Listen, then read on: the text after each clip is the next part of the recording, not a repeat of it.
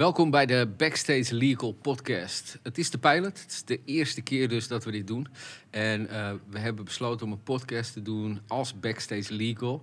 Een collectief van juristen en advocaten die samen proberen de creatieve sector wat duidelijker te maken wat uh, hun rechten zijn. Zeg ik dat goed zo, Sam? Zeker, ja. Want omdat, uh, dat is ook mijn ervaring van vroeger. Het is ontzettend, zeker ook in de muziekkant, is het ontzettend oerwoud aan rechten die vrij onderzichtig is. En uh, het heeft mij ook best wel lang gekost om dat allemaal te doorgronden. Ja. Soms vind ik het nog steeds heel ingewikkeld. Uh, en daarom ja, denk is het waarschijnlijk goed voor iedereen. Uh, die, zeker de, de, beginners, die, de mensen die beginnen in de creatieve industrie. zeker ook vanuit de muziekkant, om eens een beeld te krijgen van nou ja, wat, wat de geldstromen zijn die daarin omgaan. En ook ja, de, de, wat voor juridische aspecten je op moet letten eigenlijk. Ja, gewoon de basis uh, van je eigen rechten. Want het zijn, het zijn vaak je eigen rechten waar je mee bezig bent, maar soms ook met de rechten van een ander. Um, het uh, is een podcast in ontwikkeling. Dat betekent dat, uh, dat er verschillende mensen zullen aanschuiven in de loop van de tijd. Dat zullen juristen, advocaten, maar ook muzikanten bijvoorbeeld kunnen zijn, zelfs filmmakers zou zomaar een ding kunnen zijn. Gaan we naar kijken de aankomende tijd. Ja. Wij werken dus uh, ook af en toe samen, omdat we allebei bij uh, Backstage Legal zijn aangesloten. Um, maar jij doet dat in de hoedanigheid als advocaat, intellectueel eigendomsrecht ja. en ondernemingsrecht. Dat is je specialisatie ook, hè? Nou, um, intellectueel eigendomsrecht, dan met name auteurs- en naburenrecht. Ja. En uh, dat is veel voor muzikanten, maar dat kan nog veel breder zijn. Want je, hebt, ja, je geeft eigenlijk al aan, hè, auteursrecht gaat niet alleen maar over muziek, maar het gaat ook over film, maar het gaat ook over tekeningen, het gaat ook over schilders. Uh, daar ben ik bijvoorbeeld nu ook mee bezig met een. Uh, inderdaad, met een ondernemingsrechtelijk aspect, het opzetten van een onderneming voor een, voor een waarschijnlijk zeer talent, talentvolle schilder. Maar mijn uh, specialisatie zit dus in intellectueel eigendomsrecht. Dat is eigenlijk een overkoepelend begrip ja. voor. voor uh, uh, Zullen we dat eens een klein ja. beetje inzichtelijker maken? Ja. Intellectueel eigendomsrecht is over, overkoepelend voor, kan je zeggen, drie soorten rechten? Eigenlijk kan je over het algemeen zeggen, het zijn er wel meer nog. Uh, mensen zijn over het algemeen wel bekend met het auteursrecht, maar weet je, je praat ook over octrooirecht, je praat ook over merkenrecht. Ja. Je praat over handelsnaamrecht, uh, je hebt zelfs chipsrecht. Maar er zit altijd een beetje een soort van overlapping in, hè? Ja, sommige wel, andere niet. Of tenminste, de wetgever heeft bij sommigen geprobeerd om echt de scheiding heel duidelijk te houden. En dat is soms nog best wel moeilijk. Maar over het algemeen, als je dat tot een soort van definitie moet komen, dan gaat het allemaal over uh, uh, rechtsgebieden waarbij het gaat om bescherming van creatieve prestaties. Ja, eigenlijk, uh, eigenlijk geest. ja, geestelijke. maar creatieve... Ontwerpen van de geest. Ja. De, de, de, creatieve uitingen van de geest. Precies. Zou je daar een beetje op kunnen leggen? Ja, en ja. dan hoe, hoe, bescherm je je rechten daarop? En ja. dat is, gaat, op al die gebieden zit daar Sommige lijken op elkaar. Bijvoorbeeld auteursrecht en naburenrecht, daar heb je geen registratie voor nodig. Uh, dus die, die ontstaan eigenlijk, uh, nou ja, daar kunnen we het zo nog over hebben. Ja. Maar auteursrecht, dat originaliteit en moet zin eigenlijk waarneembaar zijn. Maar merkenrecht moet je bijvoorbeeld echt inschrijven in een register. Als je dat niet doet, ja. dan heb je ook echt geen recht daarop in ieder geval. Nou, dat zijn er natuurlijk een, een, een, hoop onderwerpen die je als beginnende uh, artiest of beginnende kunstenaar misschien nog niet zoveel van weet. We proberen dat langzaam inzichtelijk te krijgen. En um, jij bent daar eigenlijk ook een beetje uh, ingekomen doordat je als artiest begon. Ja, dat klopt. Ik heb uh, begin jaren negentig toen uh, speelde ik in een rockband, of ja, hoe moet je het noemen, gitaarband, alternatieve gitaarband. Je had natuurlijk in begin jaren negentig de grunge met bands als Nirvana. Ja, was jij, was jij echt zo Nirvana? Ik, was, ja, had, ik had vrienden die Pearl Jam waren en vrienden die Nirvana waren. En ik was meer Nirvana-kamp. Ik vond Pearl okay. Jam wat minder, maar daar, daar kon je lekker over discussiëren natuurlijk. Wat waren de grote verschillen tussen die twee? Uh, ja, dat is een goeie. Uh, Nirvana was meer uh, punk en afzetten tegen. En Pearl Jam was meer... Ja, ik vond, ik vond die zanger altijd niet zo te hard, eerlijk gezegd. Maar, oh, niet hard? ja, ook het stemgeluid niet. Maar okay, andere okay. mensen vinden dat het fantastisch. En lopen daarmee weg. En ik moet eerlijk zeggen dat Ten op zich een hele goede plaat is. Dat kan ik niet Oké. De eerste. Dus daar, daar, daar, mogen ze mee wegkomen? Daar mogen ze mee wegkomen, precies. Oké, maar dan... Jij, jij begint als, uh, als muzikant in een band, Caesar? Caesar, ja. Dat, uh, de eerste plaat kwam in 1996. Uh, en ehm, ja, als ik daar aan terugdenk... Ik was eh, rond de 20. En toen we eigenlijk uh, al meteen een EMI publishing deal kregen aangeboden. Oké. Nou, en ik dacht IMI, weet je, zeker uh, als een jong jochie dacht ik van yes, dit Ja. is, uh, je hebt geen idee. En als je getekend wordt door iets groots, dan denk je van en nu gaat het gebeuren. Dit is je major deal. Ja, dat was een major deal. Dus publishing klonk goed. Meteen in Hilversum langs geweest, een mooi kantoor. En nu gaat het gebeuren, dachten we. en dat was op zich, ik bedoel, het was natuurlijk een goed begin. Maar je zit meteen al met van, wat is het eigenlijk voor een contract? Ja. nou was ik wel al met mijn rechtenstudie begonnen. Maar dat gaat alleen maar, jij hebt ook rechten gestudeerd. Ja. dat gaat alleen maar over de basisbeginselen. Ik heb nog geen idee wat een publishing deal is. Nee. Dat leer je helemaal niet de eerste jaren van je studie. Uh, publishing. Uh, nou, ik dacht van dit is vast een platencontract bij IMI. Maar dus dat riep je ook tegen iedereen. Ik heb een platencontract. Ja, ik heb een platencontract bij IMI. maar, maar, goed, dat bleek dus helemaal geen platencontract te zijn. Nee. Iets heel anders. Maar Publishing. hoe kwam je daar dan voor het eerst achter dat je, dat je niet zozeer een platencontract had, maar een publishingcontract? Wie, wie vertelde jou dat? Nou, eigenlijk kwam ik erachter toen we een paar jaar later echt een platencontract kregen aangeboden. toen dacht, toen dacht ik van, hé, dat was ik, ik, heb, ik heb toch al een platencontract? ja. nou, moet ik nou met een platencontract? Die heb ik al. Ja, die heb ik al. en toen kwam ik erachter van, hé, dat was helemaal geen platencontract. Dat was een publishingcontract. Maar wat, wat is dat dan nou eigenlijk? Ja. Uh, wat is een publishingcontract?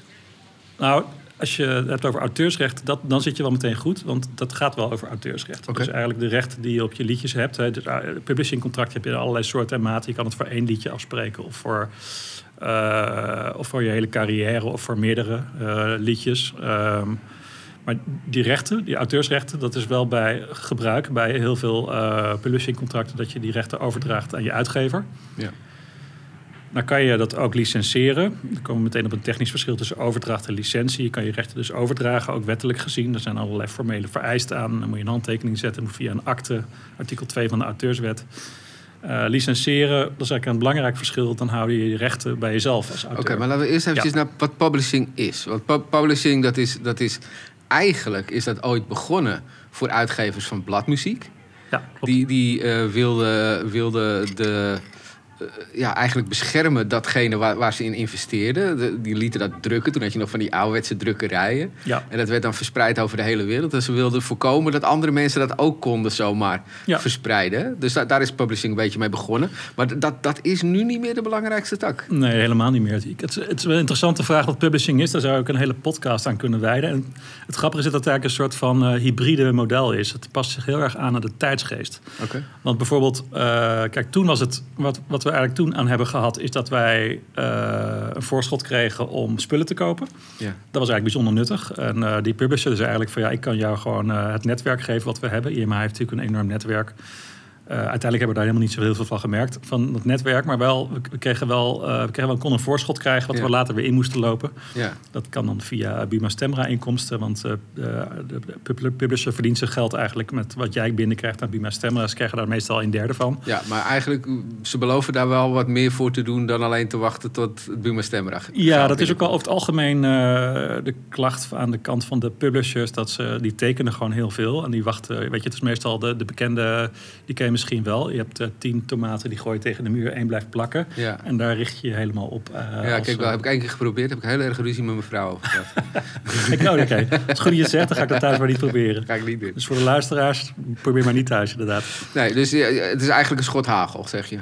Uh, nou ja, kijk, het is ook wel ergens wel logisch. Als je zo'n business hebt, dan richt je je natuurlijk op degene die het meest succesvol is. En daar valt het meeste geld te halen. Ja. En daar investeer je ook in. Maar wat is dan de core business volgens jou van een publisher?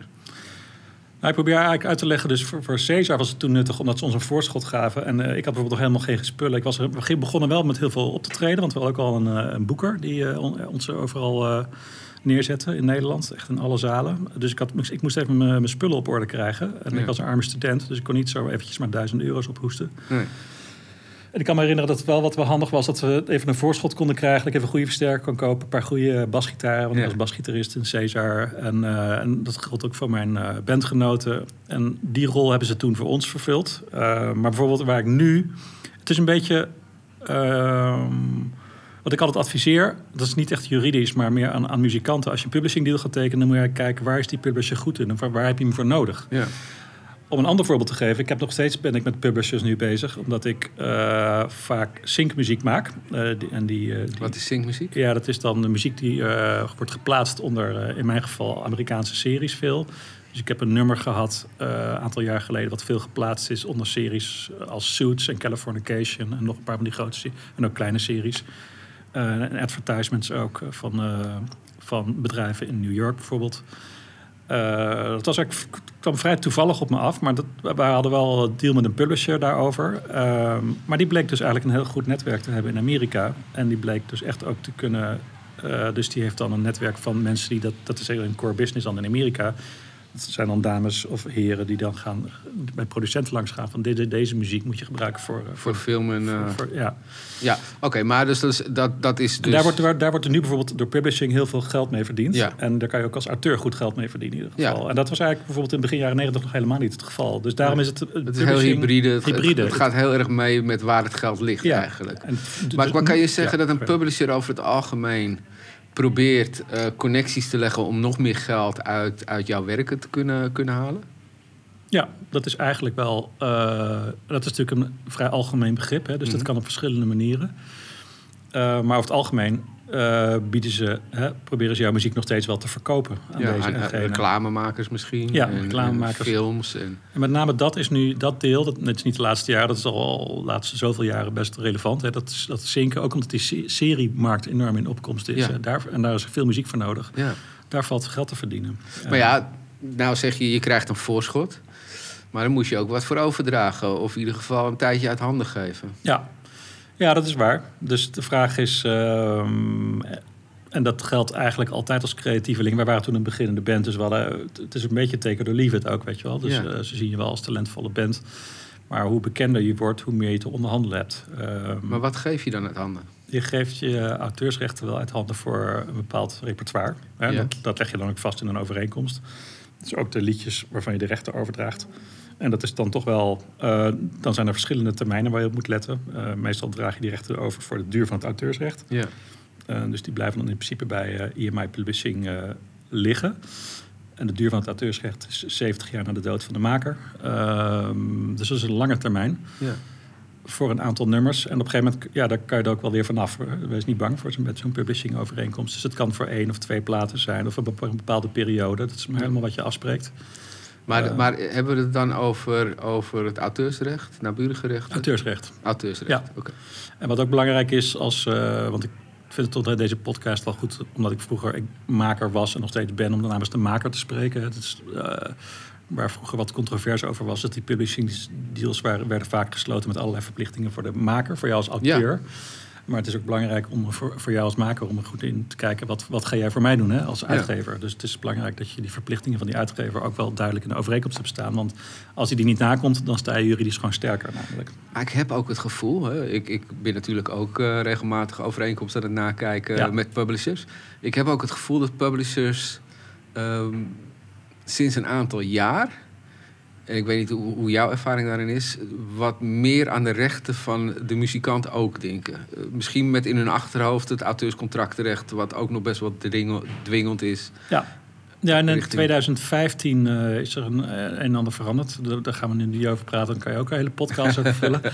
Maar uh, ik denk dat het ook met bewustwording te maken eh, heeft. Ik ja, willen ze van de slechte naam af? Van, van, van, van het idee dat ze alleen maar nemen en niks geven? Ja, dat denk ik wel. Dat speelt mee. En ik denk dat uh, over het algemeen... Je ziet het ook aan de hoeveelheid entertainmentopleidingen... die als paddenstoelen de laatste tien jaar... Te, waar ik geef nog wel eens les in Rotterdam bijvoorbeeld aan zo'n uh, opleiding. Hartstikke leuk, hbo-opleiding. Ehm, maar ik, daar, daardoor, hè, uh, je kan daar goede dingen over zeggen of slechte dingen, maar ik, ik merk wel, zeker ook die studenten, die zijn veel bewuster van hun rechten. Uh, ja. Hoewel het nog steeds een oerwoud is. En dus ik geef dan juridisch les en het merk nog steeds dat het heel, heel erg nodig is om mensen het onderscheid uh, te, te, uit te leggen tussen auteurs en de burenrechten bijvoorbeeld. Of we hebben toch deze nu over gehad, echt. je hebt ook uh, Buma Stemra, je hebt Sena, je hebt Norma. Gaan we zo direct allemaal behandelen. Want ehm, jij, jij hebt dan je publishing contract en vervolgens komt er een platencontract. Je eerste gedachte is, huh, die had ik toch al. Maar je tweede gedachte is, wat, eh, tenminste dat neem ik aan, wat, wat willen ze daar nu van hebben? Want ik heb al een deel van mijn rechten over. Want welk deel van je rechten draag je nou over aan een publisher? Nou, dat, dat is auteursrechten. Dus dat zijn eigenlijk je rechten die, uh, die je hebt als... Uh, dat is ja, uh, technisch gezien het recht om je werk te verveelvoudigen en openbaar te maken. Nou, daar moet ik misschien ook niet, ook niet al te uitgebreid nee, ingaan. Maar eigenlijk de rechten die je hebt omdat jij de bedenker bent hè, ja. de, de, de, van de tekst op het liedje. En ook de compositie. Als het even, ik, ik laat het even bij een popsong voor het ja. gemak. Bij Caesar hadden we een zanger, dat was ik niet, de leadzanger, gitarist, en die bedacht de teksten. -hmm. ik, ook ik af en toe, maar hij meestal. Dus hij was eigenlijk. Uh, nou, Caesar is een grappig voorbeeld. In het begin hadden we eigenlijk besloten dat we alles op drieën zouden delen. Ja. Dat we ons alle drie heel belangrijk vonden. En dat, dat waren we ook. Later kwam de zanger daar een beetje op terug. Die zei eigenlijk, ja, feitelijk schrijf ik alle teksten. Toen werd het een beetje de Beatles. Ja, en dan kan je, daar ontstaan natuurlijk ook de meeste ruzies over. Ja, dat, dat, dat, is natuurlijk een heel klassiek voorbeeld. Hè? De, de, Beatles kregen heel erg ruzie dat op een gegeven moment uh, Paul McCartney en John Lennon als enige steeds op die tekstschrijverscredits ja, zaten. Ja. En die, die wisten toen op een gegeven moment, hè, Ringo Starr en uh, hoe heet die uh, gitarist? George Harrison. Ja, die, die wist op een gegeven moment van hé, hey, er gaan heel veel inkomsten die gaan nu naar, naar ja. de schrijvers. En wij hebben eigenlijk alleen maar inkomsten uit optredens. Ja, precies. Ja. Nou, en dat duurde waarschijnlijk nog wel, ik weet niet precies meer. Dat, maar dat zal wel een paar platen geduurd hebben. Ja, ja. Maar zo gaat het nog steeds heel vaak. Ik denk altijd van, ik, ik zei net van, ja, mensen worden, artiesten worden ook zeker bewuster. Maar ja, je komt ook nog steeds artiesten, krijgen wij op kantoor, die geen idee hebben. En na een paar jaar, ik heb nog een paar gevallen die na twintig jaar gaan ze eens kijken van, hé, hey, die contracten. En dan, ja, uh, dat is het vaak. Hè? Pas, pas als, als, als het grootste deel van de inkomsten al vergeven is, dan gaan ze bedenken van... Maar waar is dat eigenlijk heen gegaan? Waar is het allemaal heen gegaan? Ja, ik, soms, ik noem mezelf ook wel vaak een goed betaalde vuilnisman hoor. Want je krijgt ja? vaak gewoon van. Uh, krijg je wat verfrommelde contracten. En dan moet ik echt vragen: is dit alles? Ja, is alles. En dan blijkt even later dat het helemaal niet alles is. Dan, nee. dan blijkt daarna nog een hele belangrijke overeenkomst te zijn getekend. en zo frommel je alles bij elkaar. En op een gegeven moment moet je daar een juridische uh, duiding aan hangen. Of een juridisch advies aan hangen. Ja, maar, maar dan, oké. Okay. Ja. Dus, dus uh, kijk, wat, waar ik eigenlijk naartoe wil is. Um, auteursrecht, als, als, als je een deel overdraagt van de publishing, uh, dat, is, dat is eigenlijk meer een afspraak dan dat er echt een publishing deel bestaat. Nee, dat is wel goed dat je het over hebt. Daar, daar waren we inderdaad. Dus uh, het is natuurlijk wel zo dat je rechten, als, als je een popsong hebt bijvoorbeeld, uh, maar dat, ja, dus je hebt rechten die je op de tekst hebt en je rechten die je op de compositie hebt. Ja. Veel composities schrijven met z'n drieën, dus daar kan je onderling afspreken. En dan moet je het vooral op tijd doen, denk ik, want daar kan je ook ruzie over krijgen. Ja. Uh, dat delen we de drieën. En ze hebben het daarna, zo hebben het eigenlijk altijd gedaan. Die compositiedelen hebben we al op de drieën gedeeld, omdat het vaak door jammen ontstond. En nou, omdat dat op een bepaalde manier eerlijk is. Het is dan ook moeilijk om op een gegeven moment uit elkaar te houden ja. wie wat heeft gedaan natuurlijk. De tekst is natuurlijk vrij duidelijk. Ja. Uh, dus, uh, dus dan, weet je, als je dus geen uitgever hebt, dan gaat 50% naar de, degene die de tekst heeft gemaakt. En, en de rest naar de compositie. En in ons geval is het door drieën. Mm -hmm. En als er een uitgever tussen komt, dan is het meestal zo dat, dat, dat die een derde pakt van alle Bima Stemra inkomsten. Ah, eigenlijk. een derde, ja. ja. Dat is, dat is de... Je kan ook weer anders overeenkomen, maar algemeen is, het, het algemeen is dat een derde. Ja, dat is het, eigenlijk, eigenlijk als je niks afspreekt, dan wordt het een derde. En als je, als je heel veel onderhandelingsmacht hebt uh, aan, aan bij... Aan, nou, ik geloof dat uh, publishers die hebben, als ik me goed herinner, hebben ze... Mm, met, met alle publishers afgesproken dat ze nooit meer dan een derde uh, zullen, zullen eisen. Ja, maar je hebt natuurlijk allerlei fondsovereenkomsten die je kan je sluiten. En waardoor de, bijvoorbeeld een maker weer meer kan krijgen van de uitgever. Nou, je hebt allerlei verschillende varianten. Ja, je hebt ervan. heel veel modellen. Ja. ja Oké, okay, maar gaan we terug naar, naar, naar jou en Cesar. Op een ja. gegeven moment wordt duidelijk, uh, je hebt componisten, je hebt tekstschrijvers, die krijgen allemaal uit een ander potje geld. Ja. En iedereen wordt meer duidelijk dat daar gewoon ook echt geld in zit. Ja. Dan, ga je, dan ga je naar zo'n platenlabel. Dan ben je ook weer echt aan het overdragen. Precies. Uh, dat was een artiestenovereenkomst, zoals die toen nog wel veel gesloten werden. Uh, dat is later veel minder geworden. Tegenwoordig gaat het steeds meer over licenties. Dat wil zeggen dat je toestemming geeft om iets te doen met je rechten voor een bepaalde termijn in een bepaald gebied. Maar artiestenovereenkomst wil eigenlijk zeggen vroeger van we willen jou binden als artiest, als band aan ons label. Hè, maar wij investeren in jouw plaat. Ja. Maar dat moet je dan wel in, uh, inlopen ja. later. Hè, dus uh, recoupen, zoals dat ook, dat zegt zo'n term die iedereen wel kent in de business. Dus je, dan moet je eigenlijk de, via de royalties die je verdient, moet je dat weer inlopen. Dat uh, voorschot wat wij geven eigenlijk op de financiering uh, van je plaat. Ja. Dat was vrij normaal om te doen. Uh, maar goed, in ruil daarvoor moet je wel je rechten overdragen. En dat zijn de rechten op de opname. Ja. Dus eigenlijk het grote verschil tussen auteursrechten en naburenrechten is dat zijn auteursrechten gaat even rechten op het liedje, dus recht op de compositie en de tekst. En naburenrechten en ik, ik vertel nu alsof het heel makkelijk is, maar ik heb er echt jaren over gedaan om dat te begrijpen. Uh, dat gaat echt rechten op de opname. Dus dat ja. wil zeggen, omdat ik een bepaald basloopje heb gespeeld op de opname, en Roald was de zanger die een bepaald gitaarlekje heeft gespeeld gitaarpartij, een drumster, drum. Dat, dat voer je allemaal in bij Sena. en dan krijg je daar zit een bepaald puntensysteem aan vast. En als je plaat dan gedraaid wordt, dat is ook vaak een misverstand. Mensen denken dat je altijd aan Bima Stemra moet afdragen. Maar je moet dan ook aan Sena afdragen ja. voor de naburengerecht. In We gaan zo gaan we naar de CBO's. Ja. Maar eh, dan gaan we toch nog heel eventjes naar je, je platencontract. Wat, wat, wat voor rechten draag je allemaal over op het moment dat je een platencontract Nou ja, dat zijn dus die naburige rechten. Uh, dus bij dat artiestenovereenkomst ging het dan zo... omdat de uh, uh, Excelsior was het label, bestaat nog steeds trouwens. Uh, het was net begonnen, wij waren de eerste release van Excelsior.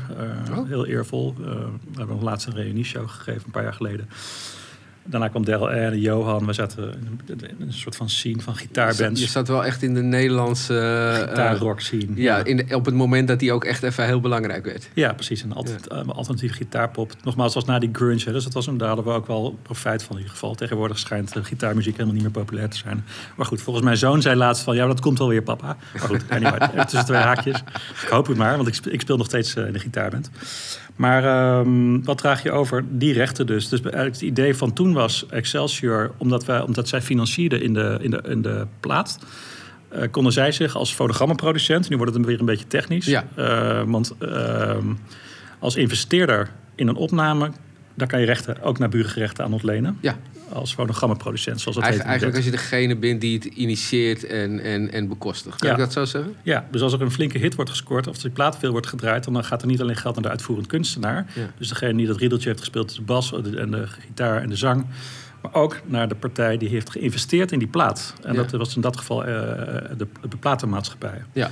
Dat was toen heel normaal en dat is ook weer allemaal heel erg veranderd. Waarom? Uh, een van de belangrijke grote ontwikkelingen is dat het opnemen van een plaat eigenlijk veel goedkoper is geworden. En iedereen doet het ook zelf thuis. Iedereen doet het thuis nu. Ja, ja daar is een beetje Martin Garrix, die heeft daar een hele aanvaring over gehad in zijn platencontract. Ja, zeker. Want die gaf aan van ja, de fonogramrechten liggen bij mij. Ja. Uh, terwijl de, de platenmaatschappij vond van ja, eigenlijk willen we het oude systeem aanhouden en de fonogramrechten gewoon bij ons hebben. Precies. En, dat, en, en, en fonogramrechten, even voor de duidelijkheid, dat zijn dan ook die masters waar iedereen het dan altijd over heeft. Ja. Uh, van je moet je eigen masters hebben. Ja. Ja, dat, is nu echt een dingetje. Het is goed dat je erover begint. Als je in de business met mensen praat, dan hebben ze het vaak over je masterrecht. Als het daarover begint, dan moet je altijd naar naburige rechten denken. Ja, en, en dan, hebben we, dan hebben we het over het fonogrammenrecht. Ja, fonogrammenrecht en ook je recht als uitvoerend kunstenaar. Ja.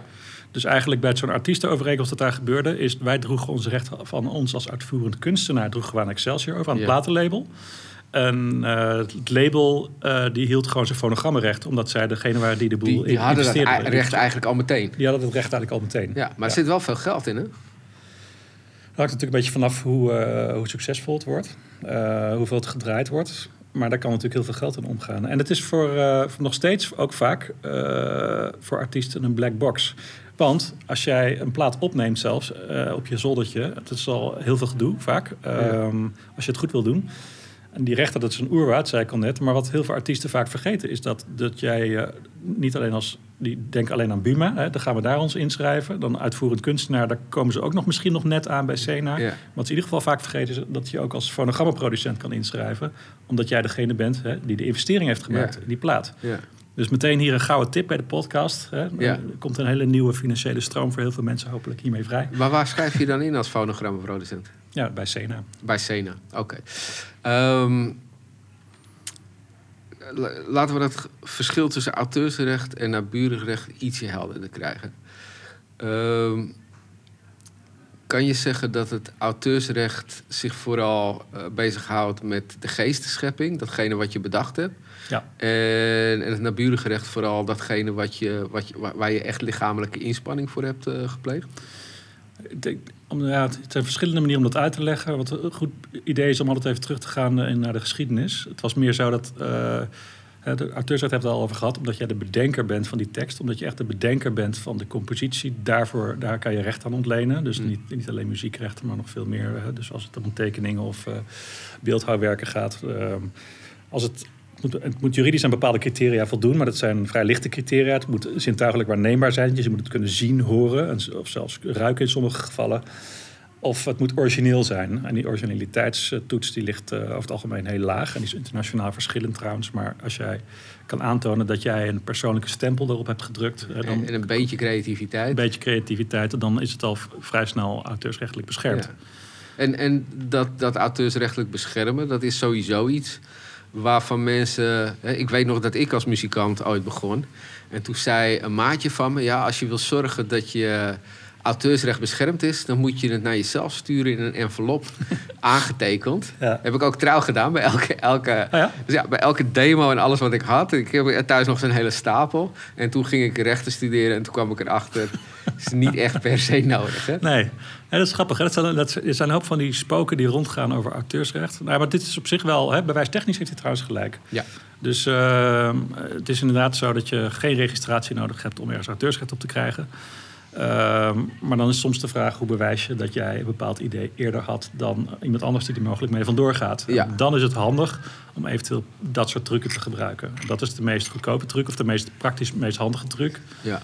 Maar uh, tegenwoordig hebben we e-mail ja, eh, en, en je kan het op een harde schijf opslaan en dan kun je precies zien wanneer dat is geweest. Ja, die staat natuurlijk wel voor bij een rechter als puntje bepaald je komt als je kan laten zien van ja, maar ik vier jaar uh, eer, daarvoor hè, voor de, voor de deze persoon heb, had ik dat al naar die en die gestuurd. Ja. En, uh, dat is maar goed, die, die, die truc die, uh, was vroeger wel handig. Ja, maar uiteindelijk, eh, het auteursrecht zelf ontstaat ook vanzelf. Ja. Op het moment dat je een creatieve creatie hebt, zelf bedacht, dan uh, is de kans vrij groot dat je er ook auteursrecht op hebt. Ja, die kans is vrij groot. Nogmaals, het zijn twee criteria. Het moet zintuigelijk waarneembaar zijn, maar dat is natuurlijk al heel snel. Hè? Dus ja. horen, zien, eventueel ruiken, parfumgeuren kunnen. Dat is een beetje een dubieuze uitspraak van lang geleden, maar dat kan in principe ook auteursrechtelijk ja. beschermd zijn. Nou, dat vind ik, vind ik wel grappig, want we hebben deze week toevallig gezien uh, Sonja Bakker. Sonja Bakker die uh, gaf vandaag aan dat ze inderdaad plagiaat had gepleegd met, met de recepten online. Kan eigenlijk niet, hè? want je kan, je kan, je kan niet echt een, een, een recept zelf kan je niet echt uh, auteursrecht op voor krijgen, toch? Uh, nou, het is, ik, je moet dat heel breed zien. Als je, als je die criteria toepast, hè, dat op een bepaalde manier origineel moet zijn en zintuigelijk waarneembaar. Ja. Als je het proeft, ja, maar ja, we, we, weten dat verschillende fabrikanten hebben dat geprobeerd. En die kwamen er niet echt mee weg. Ja. Maar uiteindelijk is het natuurlijk zo... Sonja Bakker die heeft één op één dingen overgenomen. Ja. dus, dus, dus de hele uitleg van hoe je een recept moest maken... tenminste, dat begreep ik uit die, uit die uh, berichtgeving. dus de hele uitleg, daar zit een bepaalde creativiteit in. Precies. En, en ze heeft foto's van die gerechten van iemand anders... heeft, heeft ze, als ik het goed begrijp, ook op haar Instagram gezet. Ja. Ja, en dan, ondanks dat je misschien een gerecht op zichzelf niet uh, makkelijk kan plagiëren kan je natuurlijk wel gewoon uh, de creatieve uitingen die daarbij gebruikt worden, bijvoorbeeld het maken van een foto. Hè, de creatief, een fotograaf die heeft een bepaald proces achter de rug. Ja. Ja, sterker nog, wat wij nu aan het doen zijn, daar zijn een paar cameramensen mee bezig geweest. En die hebben dat precies zo opgesteld. Dus Ja. die hebben op dat moment ontstaat al dat auteursrecht. Ja, nee, maar wat je zegt klopt. Ik heb, moet zeggen dat ik die zaak heb ik afgelopen dagen niet zo uitgebreid gevolgd. Ik zag wel dat ze dat toegegeven, inderdaad. Ja. Eh, dus eh, wat ik ook wel weer wel dapper vind. Maar aan de andere kant, als het zo duidelijk is, dan kan je beter maar toegeven. Denk Ja, ik. als zelfs je Instagram ervoor geblokt is, dan... eh, Ja, precies. Ehm, wat ook wel goed is om met in dit verband op te merken, eigenlijk auteursrecht inbreuk, dat is ook een vorm van onrechtmatige daad. Dus Mhm.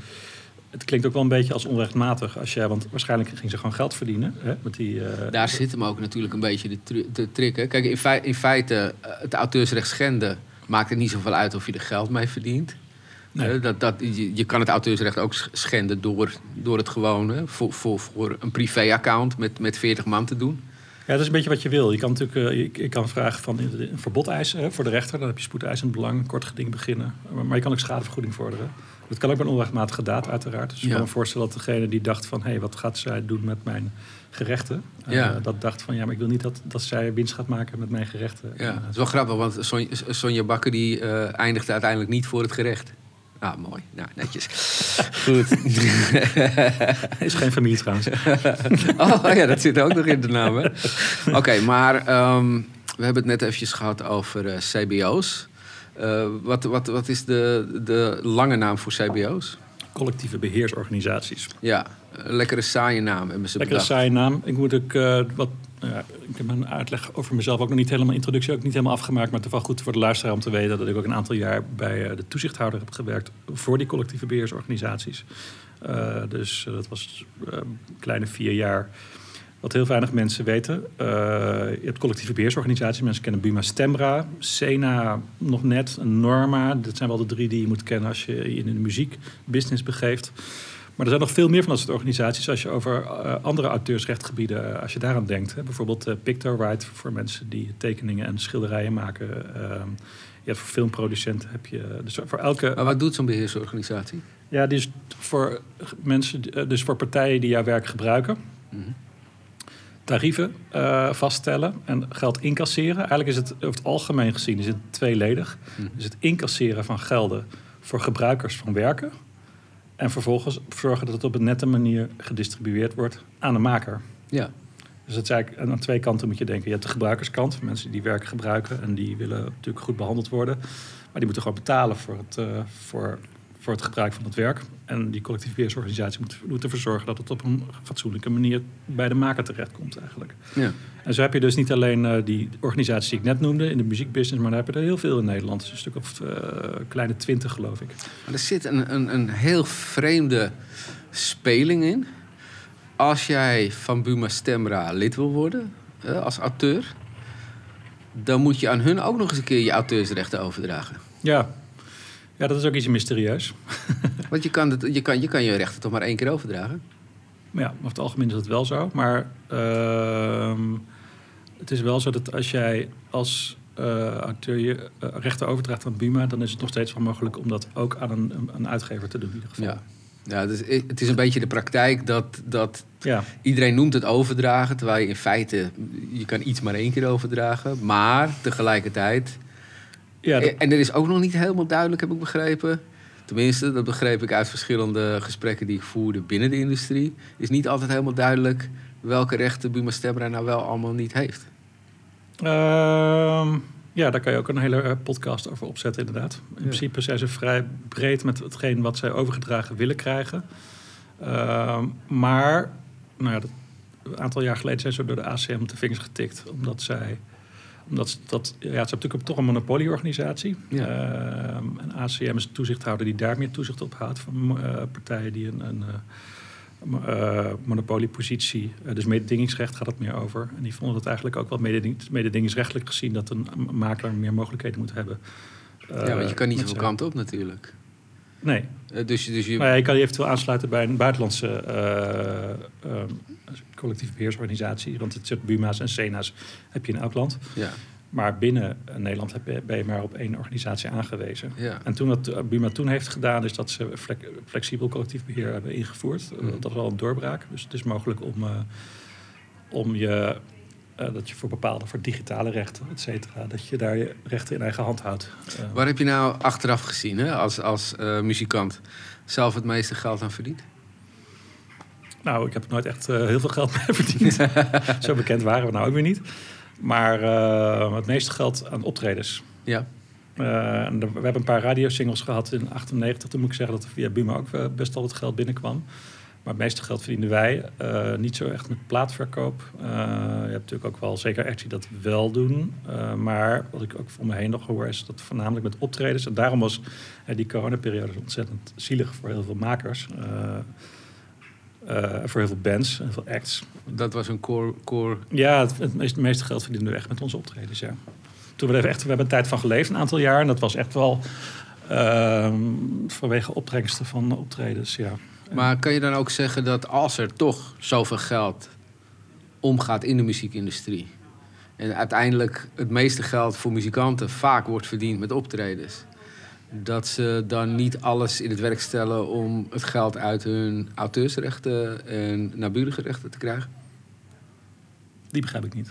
Nou ja, kan je, kan je stellen dat, dat eigenlijk andere mensen weglopen met de opbrengsten uit de auteursrechten en de uh?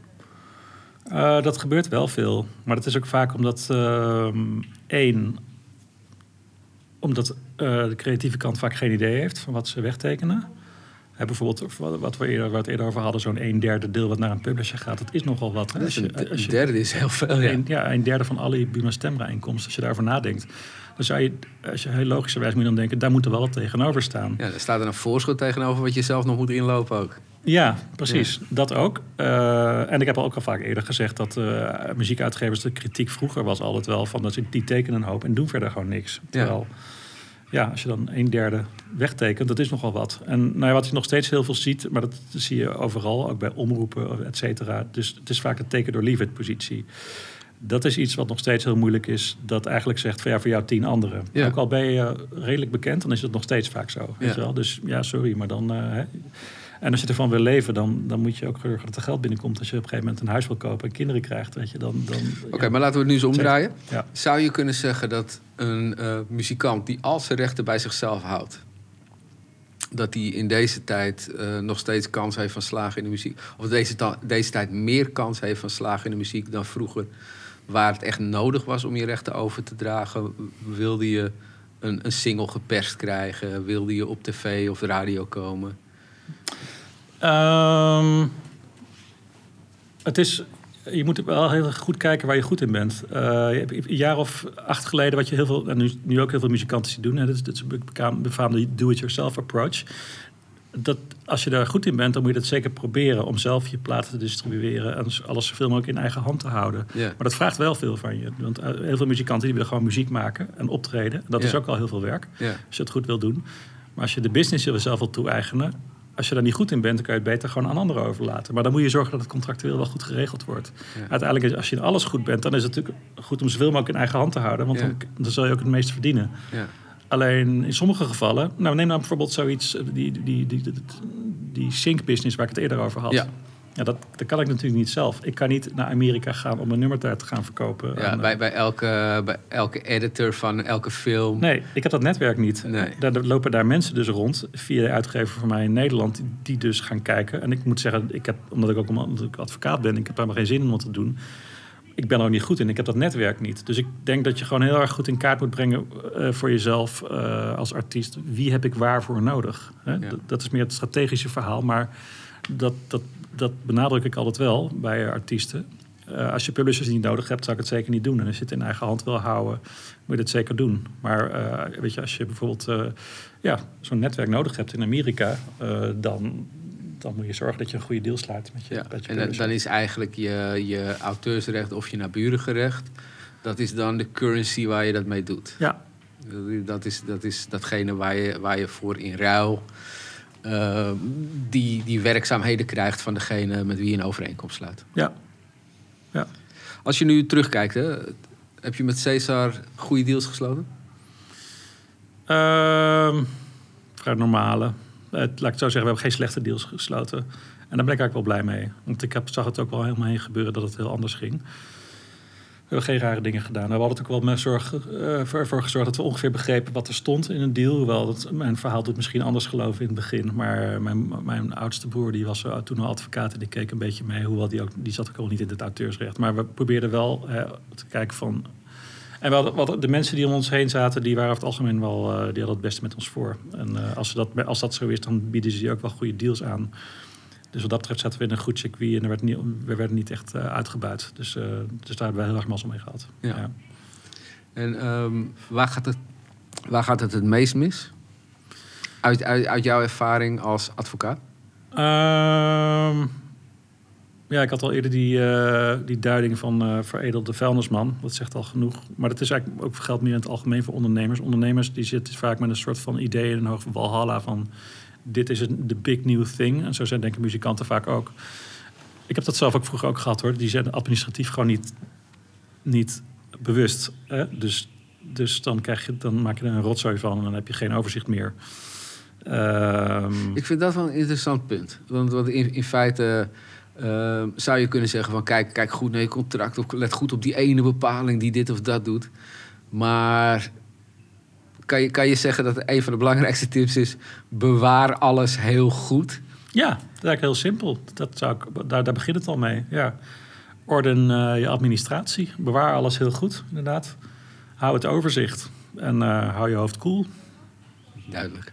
We gaan nog één keer doorheen. Publishing, dat zijn eh, rechten die ervoor zorgen dat je eh, onder reclames, televisie, ehm, films Ja. terechtkomt. Ja, auteursrechten, dus het gaat vaak over overdracht van auteursrechten aan muziekuitgevers. Ja. En die kunnen daar van allerlei dingen mee doen. Eh, dat is een heel hybride systeem, maar dat verandert toch wel eh, afhankelijk van wat voor tijd je zit, hoe belangrijk ze voor je kunnen zijn eigenlijk. Ja. Dan heb je het auteursrecht zelf. Dat is vooral datgene wat je bedenkt. Ja, Dan heb je het naburige recht. Dat is vooral hetgene wat je doet. Ja op de opname. Dus De op, opname. op de commerciële fonogram. Dus eh, soms is een misverstand nog dat dat bij, ook voor live optredens geldt. Nee, het gaat meer over je rechten, omdat je een bepaald ding hebt gespeeld op de opname. Op de opname. Ja, Degene die al die rechten overziet en ervoor zorgt dat het geld in jouw zak belandt... in plaats van eh, een of andere shady eh, persoon die daarmee wegloopt... dat zijn de CBO's. dat is jouw uitleg. ja, die moeten er eigenlijk voor zorgen dat al, ja, alles wat buiten jou om openbaar wordt gemaakt. Hè, dus de muziek die wordt gedraaid in, eh, op de radio, op eh, tv, eh, in zalen. Dat dat netjes op jouw bankrekening terechtkomt op een goede manier. Dat zijn collectieve beheersorganisaties. Nou, ik hoop dat je er wat van bent opgestoken. Mocht je nou vragen hebben, waar, waar kunnen ze jou het beste bereiken? Nou, we hebben een website, hè, Backstage Legal. Daar kunnen ze jou ook bereiken. Nou, En, eh, heel makkelijk. Dan moet je alleen ki- kiezen wie wil je daarvoor eh, bereiken. Backstagelegal.nl. En ehm, mocht je hele specifieke dingen willen weten... eh, het is natuurlijk niet altijd zo dat je mensen tegenkomt die het goed met je voor hebben. Zorg dan wel dat je een jurist of advocaat er even naar hebt laten kijken. Dit was de eerste uitzending van de Backstage Legal podcast. Vond je het mee of tegenvallen? Ik vond het hartstikke leuk, eerlijk gezegd. Ja? Ja. Dat is belangrijk, want ik moet hier straks een salaris voor berekenen. Oh, daar hadden we het niet over gehad. Nee, nee, maar ik heb er wel een advocaat voor nodig. Oké, nou, ik gebruik mij maar. Oh nee, dat is een conflict. Dankjewel. Bedankt.